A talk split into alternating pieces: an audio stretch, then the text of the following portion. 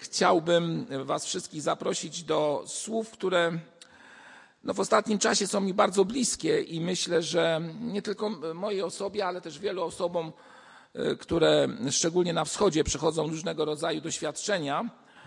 Słowa z listu świętego Jakuba z rozdziału pierwszego, wiersze drugi do czwartego będą takim mottem, który wprowadzi nas w rozważanie. Mam nadzieję, że jeszcze będziemy mieli chwilę siły do tego, aby z uwagą posłuchać tego, co mówi Słowo Boże. A więc jeszcze raz pierwszy y, y, rozdział listu Jakuba, wiersze drugi do czwartego. Poczytujcie to sobie za najwyższą radość, bracia moi, gdy rozmaite próby przechodzicie, wiedząc, że doświadczenia wiary waszej sprawia wytrwałość. Wytrwałość zaś niech prowadzi do dzieła doskonałego, abyście byli doskonali i nienaganni, nie mający y, żadnych braków. Słowa z drugiego wiersza są stosunkowo trudnymi słowami, dlatego że mówią o takim, można powiedzieć, swego rodzaju y, zaprzeczeniu, które rodzi się w sercu człowieka. Dlaczego? Dlatego, że y, czytamy w, pierwszym, w pierwszych słowach drugiego wiersza następującą myśl – poczytujcie to sobie albo uważajcie za rzecz ważną, czy też najważniejszą, że jest, e, jesteśmy zachęceni do tego, e, że jeżeli przechodzimy próby, mamy przechodzić je z radością. No, moi drodzy, tutaj jest napisane, gdy rozmaite próby przechodzicie, to nie chodzi, że te próby są, tylko gdy są one Twoim i moim udziałem, i to powinno nas pobudzać do tego, aby się radować. No, paradoks ze wszechmiar. Jak można radować się e, w próbie, jak można radować się w stracie, w czymkolwiek, co nas dotyka? No, byśmy powiedzieli, o co tutaj w tym wszystkim chodzi. Więcej, Jakub jeszcze potęguje to słowo, mówiąc za najwyższą radość. Przywilej to ma być dla nas? Dar od Boga, że coś takiego przychodzi? No nie jest to łatwe i myślę, że każdy z Was w jakiś stopniu zmierzył się z tym. A słowo, które tutaj pada i mówi o próbie e, w drugim, wiersz, w drugim wierszu tego e, rozdziału, to dokładnie problemy, kłopoty, a przede wszystkim słowo, które tutaj pada, czyli próba, dotyczy, czy też związana jest z zakłóceniem spokoju. Bo próba to nic innego jak coś, co zakłóca nasz spokój harmonię, stabilizację, fundament. Coś, co zakłóca naszą wygodę i nie będę się bał tego powiedzieć, naszą radość i szczęście. To jest próba. Nie potrafimy przejść w okresie próby i doświadczeń z uśmiechem na twarzy. Oczywiście każdy może powiedzieć w tym momencie, że no, yy, Pan Bóg daje siłę, Pan Bóg wzmacnia, Pan Bóg pociesza, Pan Bóg odkrywa wiele rzeczy i w próbie możemy odkryć na przykład naszą naturę. Możemy, kiedy przychodzą próby, odkryć faktycznie, kim jesteśmy, jaki jest, jaki jest nasz fundament wiary i wielu innych spraw. W próbach coś takiego może się wydarzyć. Ale czy radość może być Twoim udziałem w takiej sytuacji? Zadałem sobie e, takie zadanie, ażeby zastanowić się właśnie nad tym, e, co takiego wiąże się e, z sytuacjami, z wydarzeniami, które powodują, że człowiek e, w próbie różnie się zachowuje, różnie się do tego odnosi. Przede wszystkim, kiedy przychodzą próby, czy też problemy, jak powiedziałem zamiennie, przeważnie przychodzą one z zaskoczenia, to po pierwsze, i kiedy przychodzą próby, lub też doświadczenia, o których będziemy czytać dalej, to są one niekoniecznie przez nas zapraszane. Przychodzą czasami pojedynczo, czasami przychodzą w dużej ilości i potęgują się jedna za drugą. Kto z nas tego doświadczył? Myślę, że wielu. No, może młode pokolenie to jest jeszcze przed, ale myślę, że też doświadczacie jakichś spraw, które piętrzą się w waszym życiu problem rodzi problem. Czasami zastanawiamy się, dlaczego tak jest, że jeden duży problem rodzi następny. I potem kolejny i kolejny. I człowiek czasami idzie jak swego rodzaju matni i nie wie, co ma z tym wszystkim zrobić. I pyta, dlaczego tak się dzieje? Oczywiście przypomina sobie fragment Słowa Bożego, który mówi, że są doświadczenia, które są nam, na nas, bo w jakiś sposób zesłane i one nie przekroczą naszych sił, ale czasami mówimy, że przekraczają. I wtedy jest w naszym życiu pytanie. Po pierwsze, czy Bóg dopuścił do tego? Drugie pytanie, czy Bóg zesłał to, bo on tak chciał? No oczywiście w tym momencie y, wielu z nas przypomina sobie to, co zostało uczynione, czy też zostało zesłane na Joba, ale o tym będę mówił, jeżeli Pan Bóg pozwoli, za tydzień. A więc jaka powinna być nasza postawa, kiedy przychodzą próby i doświadczenia? Wiele może być postaw i różnie ludzie reagują y, w kłopotach, w problemach na to, co na nich, na nich przychodzi. Niektórzy buntują się i oskarżają Boga o to, że jest niesprawiedliwy i dopuścił do tego, że właśnie tak się dzieje, jak się dzieje w ich życiu. Szczególnie ma to miejsce, kiedy myślimy o wojnie i o niewinnych ludziach, często dzieciach. To jest bardzo mocno akcentowane, szczególnie w mediach, kiedy odchodzą dzieci. To jest myślę, że naturalne, emocjonalne. I wtedy wielu ludzi krzyczy, wręcz bluzga Bogu, mówiąc: Dlaczego, panie, dopuściłeś do tego? Dyskutować z Bogiem na ten temat? Czasami przychodzą próby, które doprowadzają do tego, że człowiek, będąc pod presją, jest całkowicie zniechęcony i doprowadza go to do rezygnacji i takiego fatalizmu życiowego. Znowu to przyszło. A więc znowu przyszła choroba, znowu pojawiła się wojna i tak dalej, i tak dalej. Ja nie zapomnę pewnej relacji y, kobiety, która wysyłając swojego dwudziestoletniego syna w 1939 roku, to jest opisane w jednej z książek, y, wypowiedziała takie bardzo proste i y, bardzo głębokie zdanie. 20 lat to taki symbol, wiem dokładnie, że praktycznie mówimy o dwudziestoleciu międzywojennym. I powiedziała zdanie, które brzmiało mniej więcej tak: Nie przypuszczałam, że ponownie to się stanie i ty, mój syn, będziesz musiał tego doświadczyć.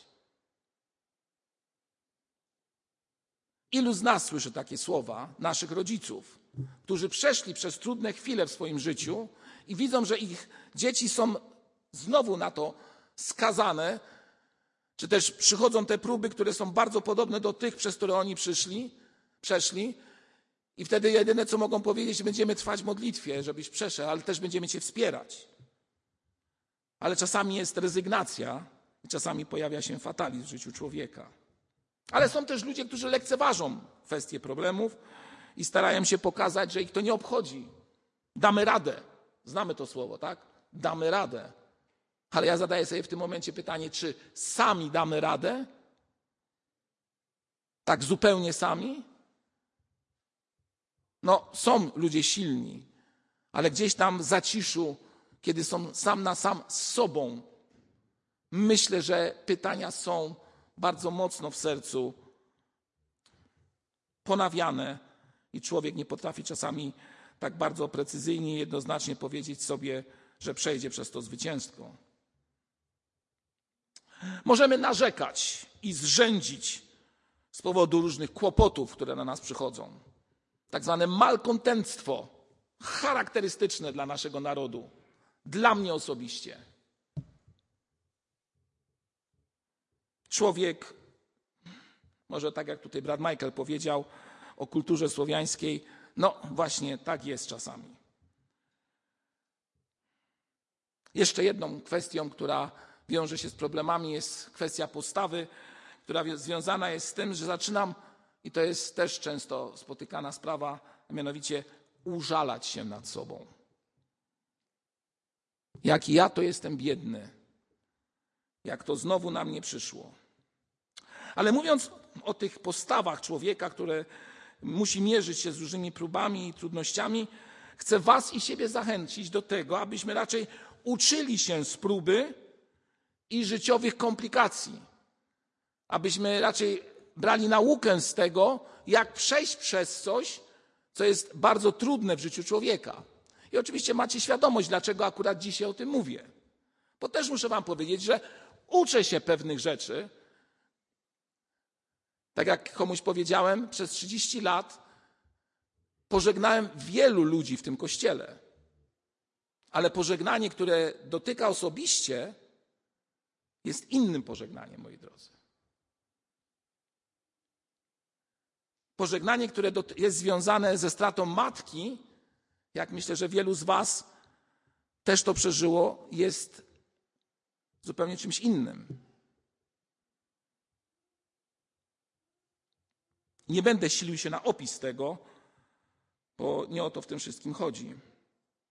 A więc nie buntujmy się, nie upadajmy, lecz spróbujmy zmierzyć się z tym z Bożą pomocą i nie traktujmy próby jak wroga, który został zesłany, aby cię zniszczyć.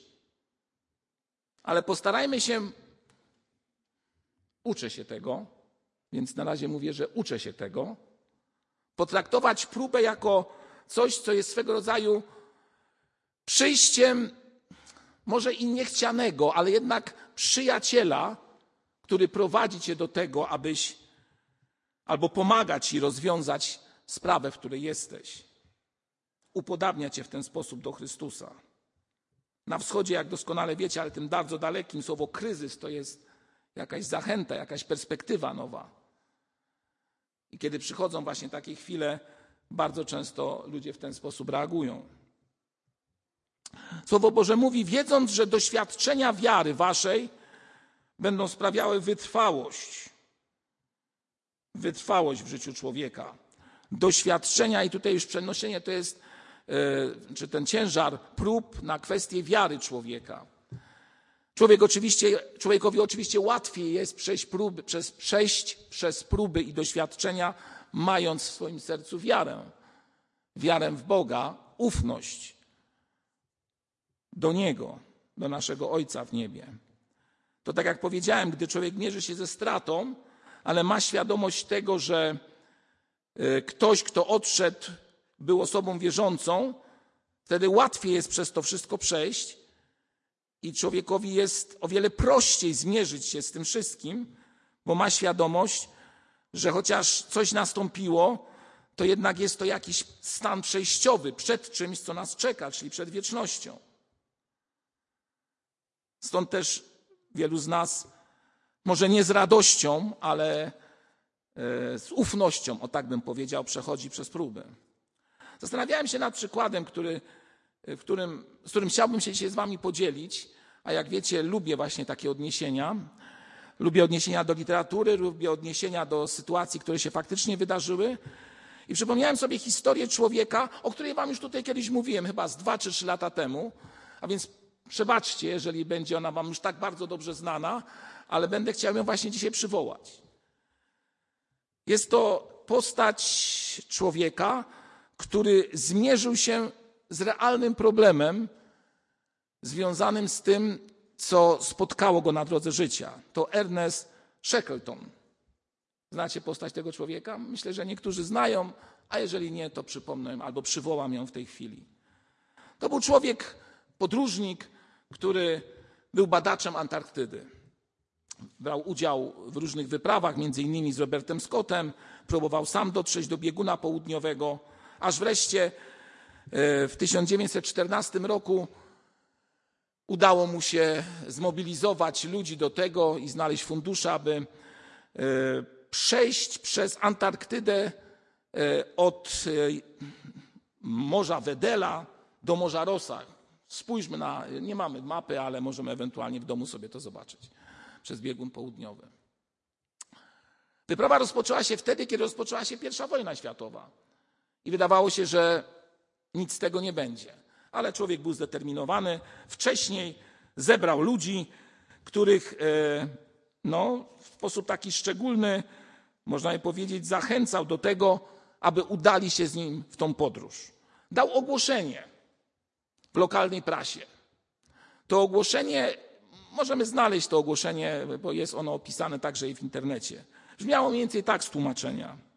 A więc Shackleton, zachęcając ludzi do tego, aby udali się z nim w wyprawę na Antarktydę, powiedział: Szukam mężczyzn, tak, mężczyzn, gotowych na, do ryzykownej podróży. Warunki, dwukropek, podpunkt pierwszy, małe wynagrodzenie, podpunkt drugi, ostra zima, podpunkt trzeci, długie miesiące w zupełnej ciemności, podpunkt czwarty, ciągłe niebezpieczeństwo. I zakończył, a właściwie to był przedostatni punkt, brzmiał on tak: bezpieczny powrót wątpliwy. Dodał na koniec, że jeżeli się powiedzie, obiecuję uznanie i zaszczyty. Jak myślicie, ile osób się zgłosiło? Bardzo dużo. Bardzo dużo. Miał z kogo wybierać. Wybrał 28 i na i wypłynęli, tak? Wypłynęli statkiem, który nomen omen nazywał się wytrwałość. Teraz już rozumiecie, dlaczego akurat ten przykład mi pasuje do tego trzeciego wiersza, tak? Bo jest on, no, wypisz, wymaluj, wiedząc, że doświadczenie wiary waszej sprawia co? Wytrwałość.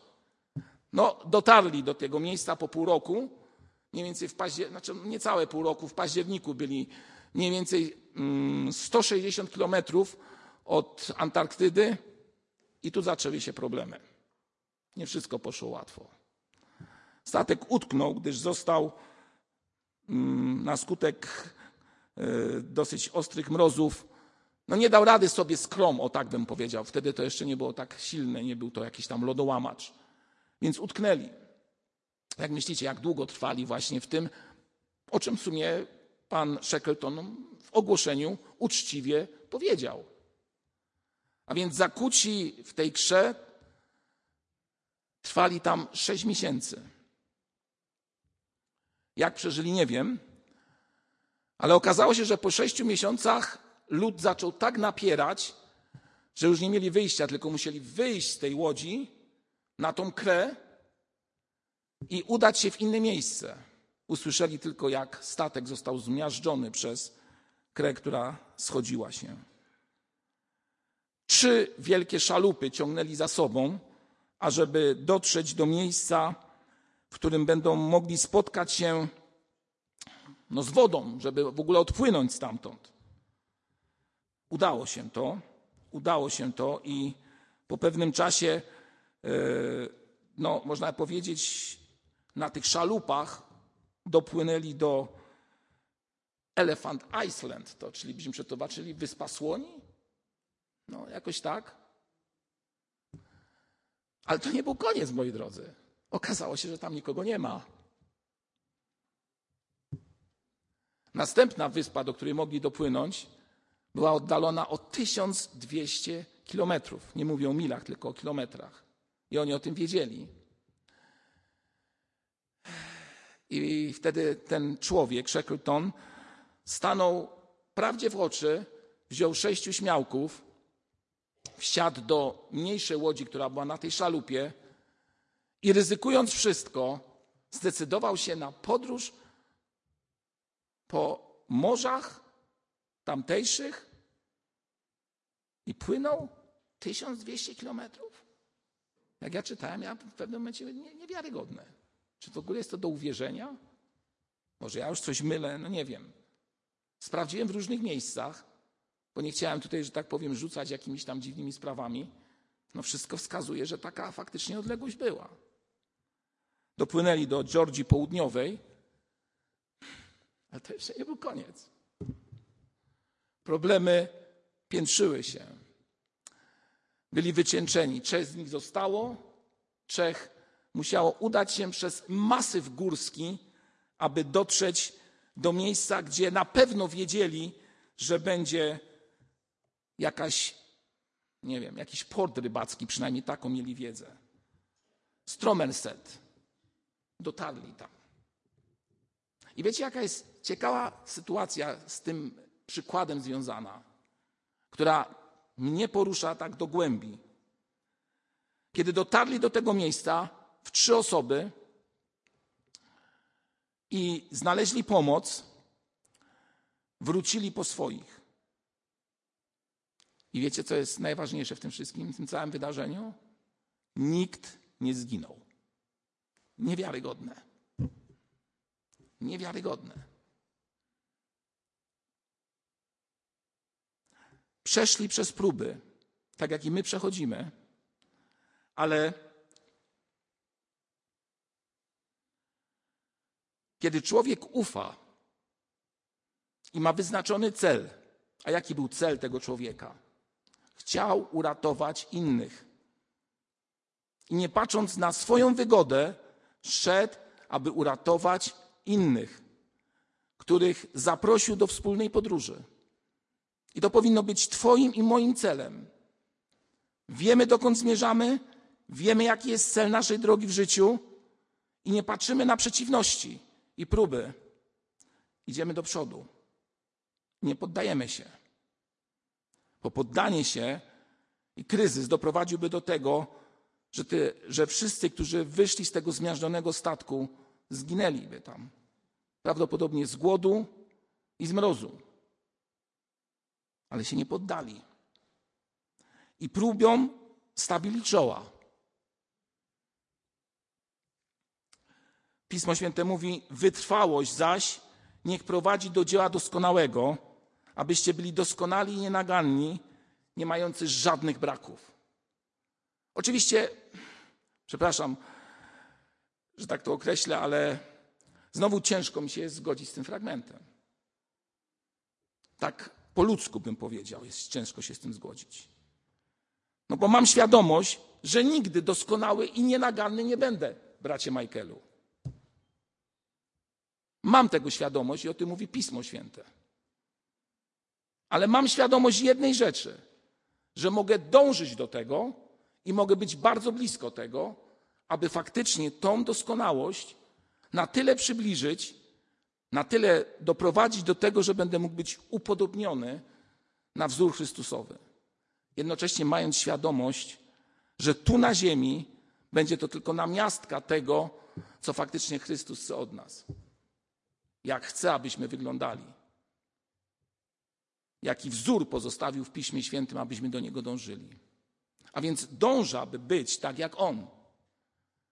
Ale też zapominając o sobie, stawiam sobie główny cel. Tym celem jest przejście przez doświadczenia i próby. Tym celem jest pomoc drugiemu człowiekowi za wszelką cenę, bo to jest główne zadanie nas.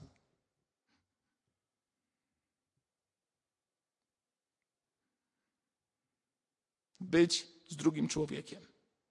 Amen.